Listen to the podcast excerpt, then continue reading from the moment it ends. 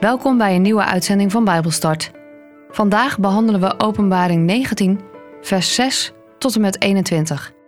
Ik lees met jullie uit de basisbijbel Openbaring 19, vers 6 tot en met 21. Toen hoorde ik een stem die leek op het geluid van een grote menigte, of van de zee, of van de donder. En die stem riep: Prijs de Heer, want de Almachtige Heer God is koning. Laten we blij zijn en feest vieren en Hem prijzen, want de bruiloft van het Lam begint. Zijn bruid heeft zich klaargemaakt. Ze had mooie kleren van fijn wit linnen gekregen om aan te trekken. Dat fijne linnen is het geloof van de gelovigen. Door dat geloof zijn ze vrijgesproken van schuld. De engel zei tegen mij: Schrijf op. Het is heerlijk voor de mensen als ze zijn uitgenodigd voor de maaltijd op het bruiloftsfeest van het Lam.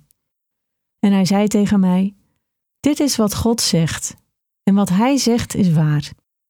Ik liet mij voor zijn voeten op de grond vallen om Hem te aanbidden. Maar hij zei: Doe dat niet. Ik ben een dienaar van God, net als jij en je broeders die in Jezus geloven. Aanbid God, want elke profetie spreekt in feite over Jezus. Ik zag de hemel opengaan en er kwam een wit paard tevoorschijn. De ruiter op dat paard wordt trouw en vol waarheid genoemd. Hij oordeelt en strijdt op een rechtvaardige manier. Zijn ogen vlamden als vuur en op zijn hoofd stonden heel veel kronen. Daarop stond een naam geschreven die niemand weet. Alleen hij zelf weet die naam.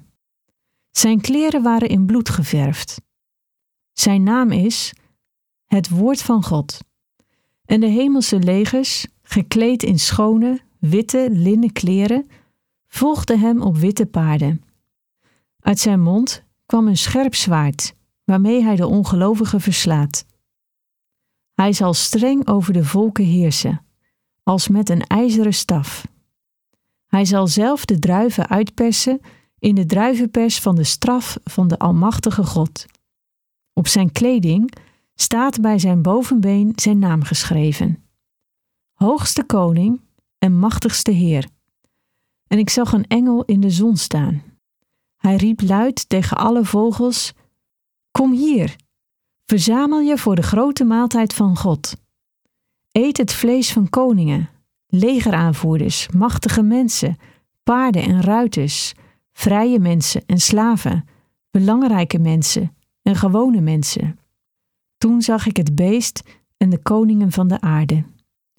Zij en hun legers waren bij elkaar gekomen om te strijden tegen de ruiter op het witte paard en zijn leger. Het beest werd gevangen genomen, samen met de leugenprofeet die namens het beest allerlei wonderen had gedaan. Met die wonderen en leugens had het beest de mensen verleid die zijn merkteken op hun hoofd hadden. Dat waren de mensen die zijn beeld aanbaden. Het beest en de leugenprofeet werden levend in een zee van brandende zwavel gegooid. De anderen werden gedood door het zwaard dat uit de mond van de ruiter kwam. En de vogels aten zich vol met hun vlees.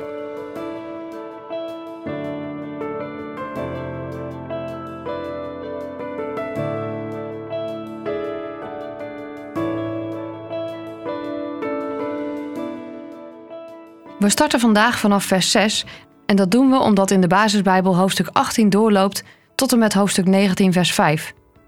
En daar gaat het over de vernietiging van de stad Babylon en daarna de aanbidding van de mensenmassa. Boven vers 6 staat er dan de bruiloft van het lam. Johannes hoort voor de derde keer een stem. En dat doet hem denken aan het geluid van een grote menigte, of de zee, of de donder.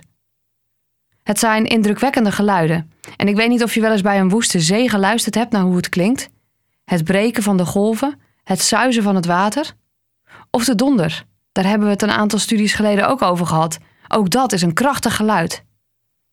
Het kan alles in je huis doen laten trillen. Het kan je kippenvel geven. Door het overweldigende geluid. En de menigte? Nou, ik weet niet hoe dat bij jou was, maar toen ik na de eerste lockdown van de coronacrisis weer eens naar een restaurant ging die behoorlijk vol zat, toen was ik echt een beetje onder de indruk van het effect van het geluid. Alles klonk door elkaar En toch was het een soort van melodie. En deze stem roept in ieder geval luid: Prijs de Heer, want de Almachtige Heer God is koning. Laten we blij zijn en feest vieren en Hem prijzen, want de bruiloft van het Lam begint. Zijn bruid heeft zich klaargemaakt. Ja, laten we blij zijn en feest vieren. Dit heugelijke feit staat nu op dit programma. Nu de valse bruid, de grote hoer, is veroordeeld, is de tijd gekomen voor de bruiloft van Gods Zoon. Nog voordat het vrederijk aanbreekt, is er dus eerst tijd voor een bruiloftsfeest. Op die manier wordt de bruid aan haar bruidegom verbonden en zo kan ze samen met hem regeren. En weet je wat nou zo bijzonder is? Het gaat om zijn bruiloft. Ik ben wel eens bij een bruiloft geweest en dan kwam ik thuis en dan vertelde ik hoe prachtig de jurk van de bruid was. En dan heel soms vroeg mijn vader: En hoe zag hij eruit? Hier op aarde gaat alle aandacht eigenlijk altijd uit naar de bruid bij de bruiloft. Maar in dit geval is het anders. Ja, zijn bruid heeft zich klaargemaakt. Ze had mooie kleren gekregen van fijn wit linnen. Fijn linnen is kostbaar. Het is moeilijk om te weven. Het is ook kostbaarder dan het linnen waarmee de engelen bekleed zijn. In Openbaring 15, vers 6 lezen we daarover. En het is een enorm verschil met de kleding van de hoer. Die was namelijk bekleed met purper en scharlaken en versierd met goud, edelstenen en parels. Veel pracht en praal en opgedirktheid. Maar het fijne linnen van de bruid is het geloof van de gelovigen. Door dat geloof zijn wij vrijgesproken van schuld. Maar dat is eigenlijk alles wat er over haar bruidskleren staat geschreven. De rest gaat over hem. Het draait allemaal om de bruidegom. En de bruid is niet zomaar een bruid, nee, het is zijn bruid. In hoofdstuk 21 van Openbaring zullen we lezen dat zij eeuwig bruid zal zijn. En dat wil zeggen dat ze eeuwig de heerlijkheid als bruid zal houden. Ze zal haar kleding van de bruiloft nooit uittrekken. En die kleding staat voor geloof en het feit dat ze is vrijgesproken van schuld.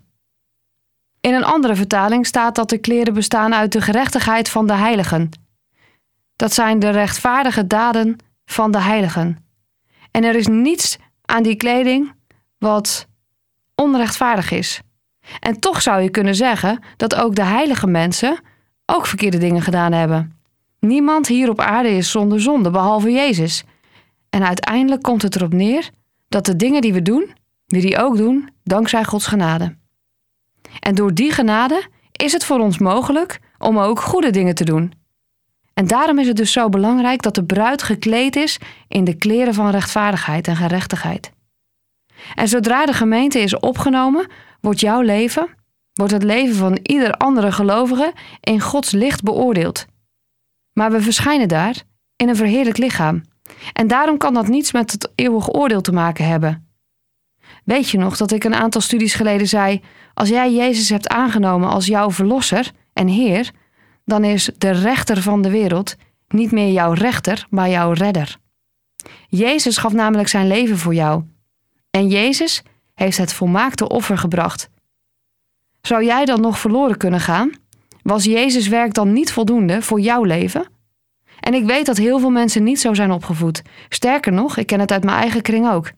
Ik weet nog heel goed dat mijn oma, die 92 mocht worden, jarenlang gevochten heeft tegen het oordeel van God. Tenminste, dat dacht ze. Zij dacht dat zij niet goed genoeg was om voor Gods troon te verschijnen. En terwijl zij er heilig van overtuigd was dat mijn genezing alles te maken had met genade van God. Voor mij was God een genadegod, zo geloofde zij. Voor haarzelf kon ze dat niet geloven. Totdat ze op een gegeven moment, vlak voor haar overlijden, liet weten: Als ik nu ga, dan is het goed. Gods genade is ook voor mij. En hoe stom het ook klinkt, en hoeveel gesprekken ik ook met mijn oma heb gehad over God en over de dood, deze woorden waren het meest troostrijk van allemaal wat ze ooit tegen me heeft gezegd. Ze wist het. Ze voelde het en ze ervaarde het ook zo. Zonder dat ze het echt kon uitleggen wat ze nou precies bedoelde, legde ze heel goed uit dat het goed was. En niet heel veel dagen later is ze overleden. 92 jaar. En zo lang geloofd. En toch ook zo lang geloofd dat de genade van God niet voor haar was. En toch durfde ze mij te vertellen dat ze geloofde dat Jezus voor haar zonde gestorven was. Ze kon mij vertellen over het belang van geloven. En toch kon ze niet vatten dat Jezus niet haar rechter zou zijn, maar haar redder. Tot dus gelukkig een paar dagen voor haar sterven. En naast al het verdriet wat ik heb gehad rondom haar overlijden, was ik er ook wel heel gerust om. Omdat ik wist dat het goed was. Ik wist wel dat het goed was. Alleen, nu wist ik ook dat zij het zelf ook wist en geloofde. Ik hoop dat je dat gevoel ook kent. Want het geeft zoveel rust. En het betekent niet dat je dan maar alles mag doen en laten wat je wilt. Nee, zeker niet. Maar het geeft wel rust omdat je weet dat je met al je fouten elke keer opnieuw bij God terecht kan. Dat je al je vragen, al je zorgen, al je verdriet bij Jezus neer mag leggen. Misschien ben je wel bang voor de toekomst. Bang voor dat wat er nog gebeuren gaat. Alsjeblieft, ga ermee naar God toe. Hij is degene die jou kan laten voelen, jou kan laten ervaren, jou kan laten weten dat je zijn geliefde kind bent. Bid er alsjeblieft voor als je nog twijfelt. En doe de dingen die je doet dus niet uit angst, omdat je straks geen zegel hebt ontvangen van God, denk je. Maar doe de dingen die je doet omdat je van God houdt. Angst is namelijk een hele slechte raadgever. Vanuit angst doe je dingen verkrampt. Terwijl als je de dingen uit liefde doet, dan mag je ze met vreugde doen. In de versen die volgen, in vers 7 tot en met 10, wordt eigenlijk het hoogtepunt van de hele menselijke geschiedenis beschreven. En het is tweedelig: oordeel en verlossing. Het oordeel komt over de mensen die willens en wetens tegen God ingegaan zijn, elke keer opnieuw. De verlossing komt voor de mensen die de ware gelovigen zijn gebleken. En dat is in de vorm van een bruiloft. Een bruiloft tussen het lam en zijn bruid. Als wij aan Jezus gegeven worden, zijn we zijn bruid. Ja, ook de mannelijke luisteraars. En we worden geroepen om deel te nemen aan Gods koninkrijk. We zijn tegelijkertijd ook de genodigde gasten. Jezus is het middelpunt van Gods openbaring en zijn verlossingsplan. En de profeten hebben dat eeuw na eeuw al aangekondigd. Er is een kans dat je volledig verdwaalt in het boek Openbaring, omdat je allerlei details leest en daarin verzandt. En ik hoop dat ik je tot nu toe elke keer heb kunnen wijzen op het middelpunt van alles wat er in Openbaring gebeurt. Want het gaat elke keer weer terug naar het centrale punt. Het terugkerende thema is namelijk: Jezus is overwinnaar van het kwaad. In het visioen dat Johannes ziet, ziet hij opnieuw iets anders ontstaan. Hij ziet namelijk dat de hemel open gaat en dat er een wit paard tevoorschijn komt. En we hebben het laatst al gehad over die andere ruiters op paarden: de grauwe, witte, zwarte en het rode paard. En hier lezen we opnieuw over een wit paard. Jezus komt tevoorschijn en dit keer niet als lam, maar als ruiter op een paard. Het symbool van overwinning. Ik moet denken aan de intocht in Jeruzalem van Jezus. Daar zat Jezus op een ezel. Daar was hij de nederige koning die kwam om te dienen. En dat heeft hij gedaan. Hij heeft gediend. Hij heeft zijn leven gegeven voor alle mensen. Hij heeft zichzelf geofferd. Jezus op de ezel symboliseert zijn doel op aarde: de overwinning van het kwaad. Hij deed dat in alle nederigheid. Hij offerde zichzelf op als het volmaakte offerlam. Maar nu is het tijd voor Jezus op een paard. En het paard is het teken van overwinning. Jezus overwon de dood, het kwaad en alles wat daarbij hoort. Jezus heeft het kwaad overwonnen. En nu komt hij om ook als koning het oordeel uit te laten voeren. Jezus' eerste komst bracht vergeving. Jezus' tweede komst brengt oordeel over de zonde. En je zou het zo kunnen zien: de frontlinies zijn vastgesteld. God aan de ene kant en het kwaad aan de andere kant. En nu wacht de wereld tot de koning het veld op komt rijden. In vers 11 lezen we dat de ruiter, Jezus, trouw en vol waarheid wordt genoemd. In vers 12 wordt gezegd dat er een naam geschreven staat op de kronen van zijn hoofd, maar dat niemand die naam weet behalve hij. In vers 13 staat dat hij het woord van God wordt genoemd. En eigenlijk, als je al deze dingen leest, dan is het nog een understatement.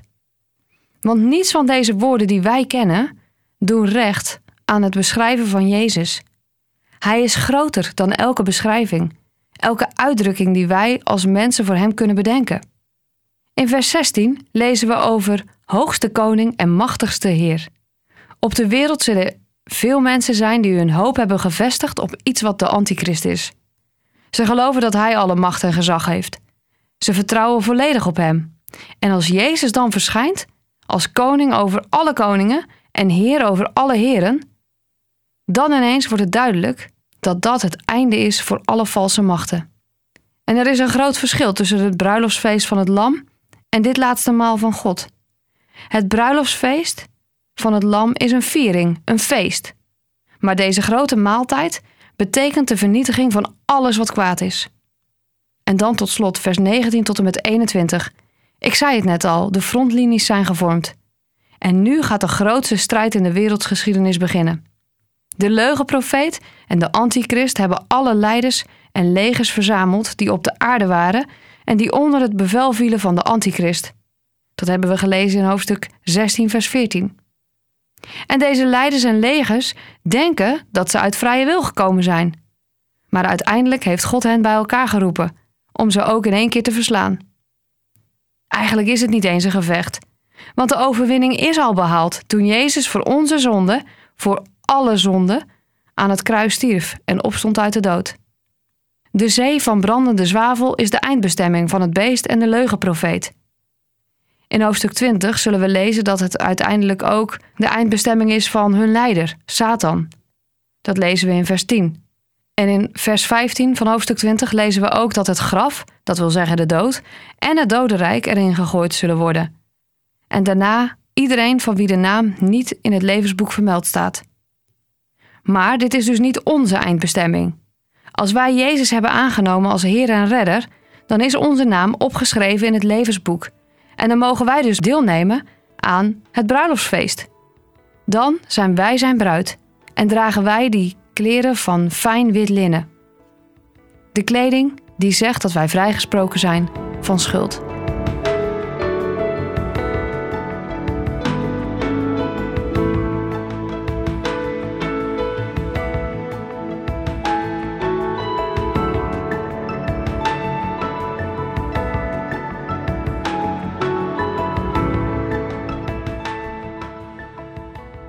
Dit was Bijbelstart, een programma van TWR.